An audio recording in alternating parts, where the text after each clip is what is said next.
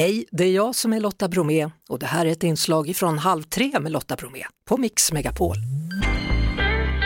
Den 2,2 meter långa kungskobran Sir Väs lyckades fly från sitt terrarium, terrarium på Skansenakvariet. Jonas Wahlström finns med oss nu. Hur går jakten? Har ni hittat den?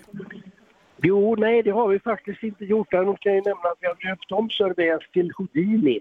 Jaha, hur gick det till? Utbryta, utbryta kungen på 30-talet som låstes in i kistor och lyckades ta sig ut på cirkusar och så vidare. Hörru, det gick till så vidare från början är att vi bytte lampor och sen släppte vi in en ny kobra. Där vi haft kungskobran i 15 år utan några problem.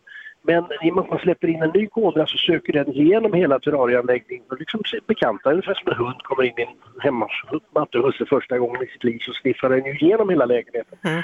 Och det gjorde den. Och då hade vi bytt till lågenergilampor tidigare och de gamla lamporna de är ju jätteheta. Så att de kungskobror vi hade där inne de närmade sig lampan i den mån de var så långa och för det är högt i tak då i det terrariet. Mm. Och då märkte de att där är ju jättehett. Och så backar de. Men den här han kom till en lampa som inte alls var het. Och då är lille Houdini tydligen lite listig så den började liksom försöka trycka sig in mellan lampan och armaturen.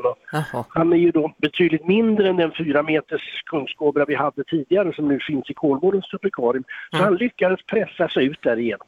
Men du, hur, hur, ska du göra nu då? Jag hörde någon prata om att man skulle använda sig av mjöl. Varför då? Ja, jo alltså vi letar. Jag befinner mig på en djurparkskonferens i Spanien just nu men mina duktiga medarbetare de letar och letar. Och det innebär att när man lämnar lokalen för natten, kungskobror är ju dagaktiva så den rör sig inte på natten, då strör man ut små mjölsträngar kors och tvärs. Och då ser man ju direkt på morgonen om den har passerat den där mjölsträngen. Ja. Då vet man ju ungefär var den finns. Så det var ju rätt smart tänkt då. Då får vi se imorgon då ja. vad det är för spår. Ja, jo, nu har jag dessutom fått sådana här kameror som man söker igenom avloppsledningar med. Den har inte gått ner något avlopp, den risken finns inte. Nej. Men vi kan i alla fall komma in i alla dessa, det finns ju massor av skrymslen och vrår, innerväggar och innertak i den här gamla byggnaden som, som den kan gå in i där vi inte kan sticka in huvudet. Men ja, med ja, hjälp av sådana här kameror så kan vi verkligen söka igenom och försöka hitta lille, lille Houdini. Men, men han är en farlig sort Houdini eller? Ja, alltså det är en giftig, de är giftiga kungskobor men det är en lugnart, de är inte särskilt aggressiva. Nej, nej. Så han ligger kanske bara och vilar någonstans, vem vet? Jag skulle tro det, för han lämnar ju ett hem med 30 graders tropisk värme och så har han kommit ut och är bakom kulisserna där det är kanske 18 grader. Mm. Och då är första tanken, tror jag, lille Houdini, om man ska avläsa hans tankar, är att han har krypit undan någonstans och där ligger han och vilar och väntar på att det ska bli varmt. Då hoppas vi att ni får tag på honom så småningom då. Du får höra av dig när ni vet var han finns någonstans. Jonas Wahlström, tack så det mycket. Lovar jag. Ja. Det lovar jag. Hej, tack, tack. Det var det. Vi hörs såklart igen på Mix Megapol varje eftermiddag vid halv tre.